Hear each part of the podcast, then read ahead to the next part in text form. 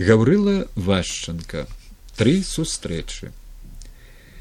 З васілём быкавым я пазнаёміўся ўжо добра ведаючы яго творы. Адбылося гэта на чарговым з'ездзе беларускіх пісьменнікаў які праходзіў у мінскім палацы прафсаюзам уваход туды быў па спецыяльных прапусках і ў паветры вісела самага пачатку адчуванне нейкай насцярожанасці і нават блізкага скандалу хадзілі ў партыі чуткі што рыхтуецца афіцыйная атака на быкова што яго ледзь не будуць выключаць з саюза пісьменнікаў.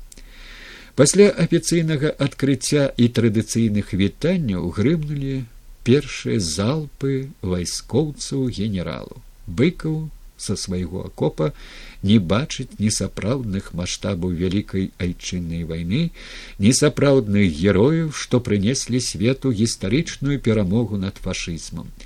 Гаварылася гэта грозна але залішне агульна. Калегі пісьменніка дэманстратыўна не спяшаліся далучыцца да гэтай ідэалагічнай артпадрыхтоўкі хаця і галасоў барону таксама амаль не было. У перапынку мяне пазнаёмілі з васілём уладзіміровичам быў ён заклапочаны напружаны не гаваркі але зусім не разгублены упэўнены і спакойны.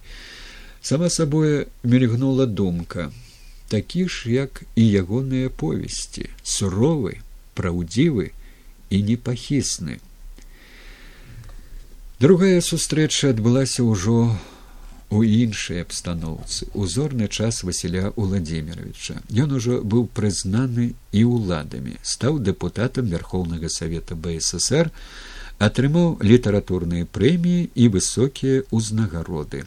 Праўда новыя ягоныя повесці па-ранейшаму з цяжкасцю прадзіраліся праз цэнзурныя рагаткі. Але слава выдатнага пісьменніка была ўжо агульнапрызнанай і сягнула далёка за межы беларусі. Василь быкаў запрасіў нас жонкай у кафе дома акцёрам славутае мутнае вока дзе ён адзначаў дзень нараджэння. Былі там пімен панчынка геннадзь бураўкін іншыя вядомыя пісьменнікі. Завітаў нават нястомны весялон оперны спявак віктор чарнабаю але Пімен Емельянович хуценька наліў яму поўную чарку і ветліва праводзіў яго. Усё было цудоўна. Былі і дасціпныя жарты, сяброўскія падколкі і сур'ёзныя шчырыя размовы. Васіль быў надзівы гасцінны і ўважлівы да ўсіх, просты і абаяльны. Я з захапленнем назіраў, як ні ў яго паводзінах, ні ў яго словах не было і ценю ганарлівасці ці самаздаволенасці, які ён быў натуральны і сціплы ва ўсім. Трэці раз мы сустрэліся ў мяне дома. Мы з васілём быкавым па гараскопу блізняты. Ён нарадзіўся 19 чэрвеня, а я 20. Таму мы добра памяталі важныя даты адзін аднаго і заўсёды абменьваліся сяброўскімі віншаваннямі. Той раз ён прынёс мне падарунак, хораша выдадзеную аповесць знак бяды з цёплым аўтографам. Калі ўсе ранейшыя творы Васіля Владзімировича я прачытаў, як кажуць залпам, то гэты чытаў цяжка, нават адкладаў на нейкі час. Мне здавалася, што там сям быкаў залішне заземляе сваіх герояў, паказвае вяскоўцаў у непрываблівым святле. Празмерна як мне здавалася акцэнтуе ўвагу на іхняй забітасці. Сам былы вясковец я ведаў што гэта ўсё было праўдай але душа чамусьці не хацела відаць не прывыкла з ёю згаджацца. Некалькі дзён я хадзіў з нялёгкімі супярэчлівымі пачуццямі пакуль не зразумеў што пра тое аб чым пісаў васіль трэба было пісаць менавіта так як гэта зрабіў ён. Бо вышэй за праўду нічога няма ні ў жыцці ні ў мастацтве. Яшчэ болей стаў я паважаць быкаўскую мужнасць і быкаўскі смелы талент.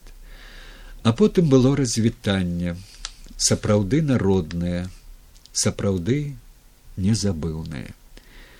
Развітанне з вялікім пісьменнікам, з вялікім грамадзянінам, які ўсяго сябе аддаў роднай беларусі.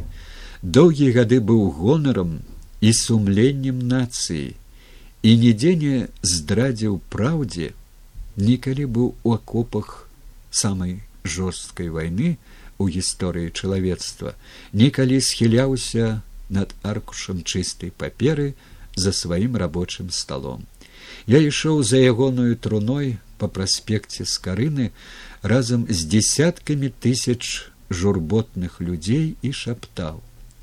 Дзякуй табе дарагі василь владимирович что ты быў са мною з усімі намі что ты дапамагаў нам заставацца людзьмі заўсёды у любых умовах что ты пакінуў нам свае выдатныя кнігі якія перажывуць і нас і наш няпросты не лепшы час.